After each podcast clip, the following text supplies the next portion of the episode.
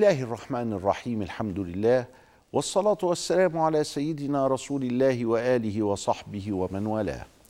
أيها الإخوة المشاهدون أيتها الأخوات المشاهدات في كل مكان السلام عليكم ورحمة الله وبركاته وأهلا ومرحبا بكم في حلقة جديدة من ديننا. تكلمنا عن القرآن كيف نزل وتكلمنا عن غار حراء وتكلمنا أن القرآن إنما هو معجزة رسالة باقية عبر الزمان وفي كل مكان وأنه كالنبي المقيم وأنه هدى للمتقين وحتى يصير هدى للمتقين يجب علينا أن نبحث فيه وأن نتأمله وأن نتدبره وأن نسير في هداه بتقوى الله سبحانه وتعالى واتقوا الله ويعلمكم الله. وحتى نصل إلى هذا تكلمنا عن السنن الإلهية التي هي نحو تسعين سنة في كتاب الله ترشدنا إلى الحقائق التي خلق الله الكون عليها. وتكلمنا عن المبادئ العامة التي تفيد في كل علم. وتكلمنا عن أن القرآن جملة واحدة. ولذلك لا يصلح أن نكفر ببعضه وأن نؤمن ببعض. وأنه قد بدأ ببسم الله الرحمن الرحيم فهذا هو قاعدة الهرم. وأن قلب الهرم إنما يؤدي إلى الانهيار وإلى العنف وإلى الدم. وكل ذلك الإسلام مع قوته وأن الله يحب المؤمن القوي وهو خير عنده وأبر من المؤمن الضعيف إلا أن في كل خير فإنه مع هذا يأمر بالرحمة وينهى عن الفحشاء وعن المنكر ويجعل المسلم دائما كالوردة في هذا العالم. يحبها الناس في منظرها وفي رائحتها وتسر الناظرين. أيضا من أجل أن يتحول القرآن في حياتنا إلى كتاب هداية يجب علينا أن نقف وقفة جادة حول قضية المحكم والمتشابه. فبعضهم يرى أن بعض الكتاب إنما هو محكم وبعض الكتاب متشابه وهذا رأي كثير من الأولين. ولكن عند التأمل نرى أن الله سبحانه وتعالى نص بأنه كتاب أحكمت آياته. هكذا بالمطلق كل آيات القرآن الستة آلاف مئتين ستة وثلاثين آية محكمة. بنص القرآن. كتاب في سورة هود أحكمت آياته. ثم فصلت من لدن حكيم خبير. وهناك في سورة فصلت يبين أنها قد فصلت فعلا. ولكن قضية المحكم والمتشابه يجب على الباحثين أن ينظروا إليها نظرة أخرى. كلامنا إنما هو في آية سورة آل عمران. كتاب يقول ربنا سبحانه وتعالى هو الذي أنزل عليك الكتاب منه آيات محكمات هن أم الكتاب وأخر متشابهات. فأما الذين في قلوبهم زيغ فيتبعون ما تشابه منه ابتغاء الفتنة وابتغاء تأويله.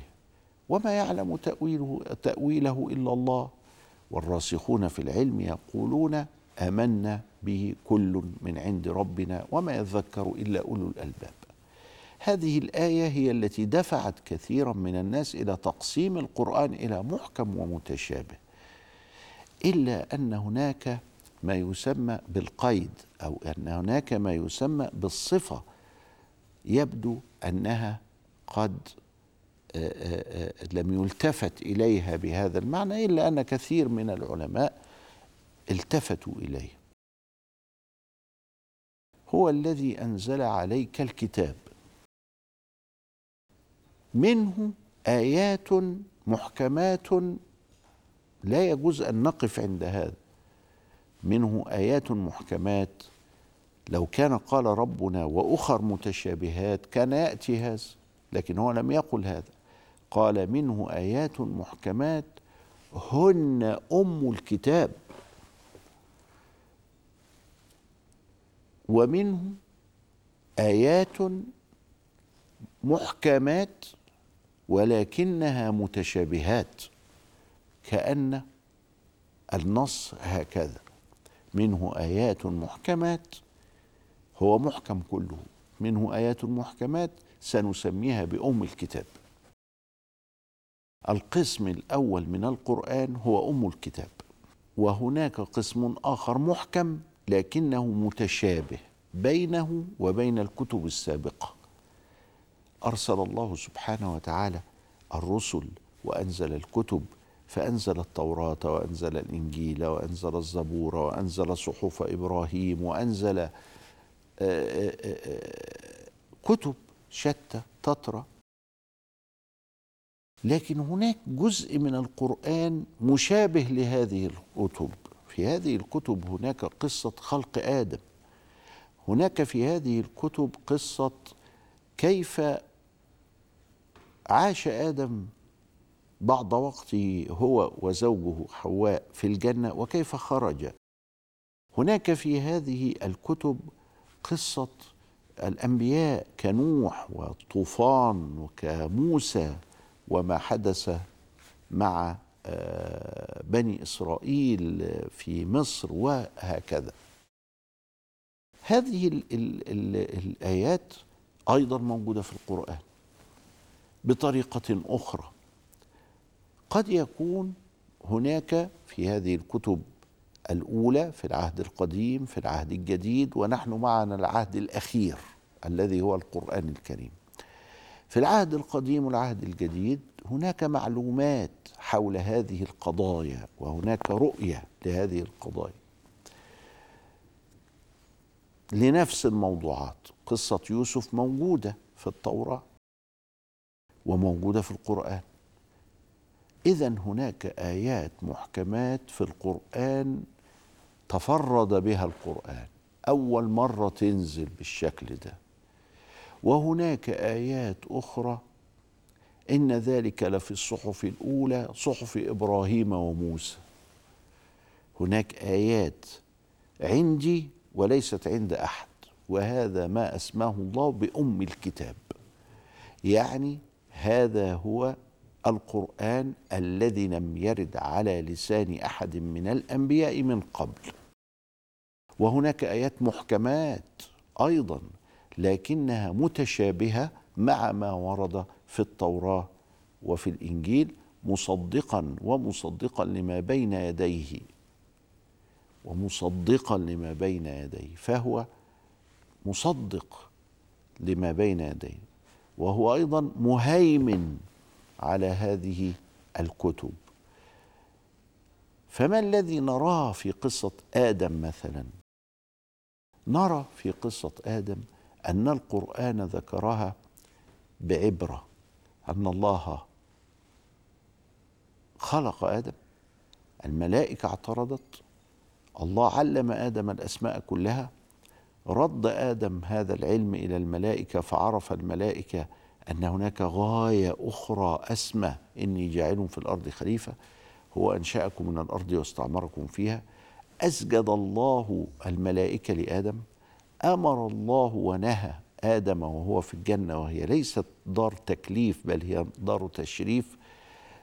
عصى آدم فسوى الله في المعصية بينه وبين زوجه فأزلهما الشيطان عنها فأخرجهما مما كان فيه. اذا لم يحمل القرآن المرأة إثم الخروج من الجنة أو إثم المعصية وأن إبليس قد ضحك على المرأة وحدها وأن هذه المرأة هي التي أغوت زوجها لم يحدث هذا.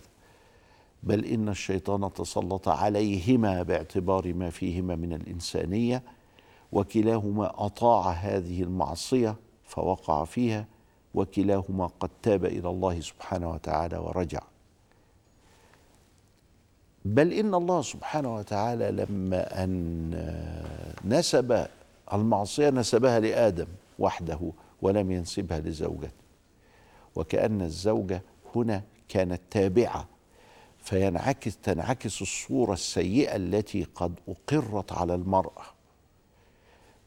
القرآن يصحح هذه الصورة ويجعل أن المرأة نعم عصت فأزلهما الشيطان عنها فأخرجهما ولم يخرج واحدا منهما فقط مما كان فيه. ولكن بالرغم من ذلك إلا أنه فعصى آدم ربه فغوى. فتلقى آدم من ربه كلمات فتاب عليه. آدم هو كأن كأنه هو الذي بيده المبادرة في هذه القصة في حين أننا نرى عكس ذلك في كتب أخرى.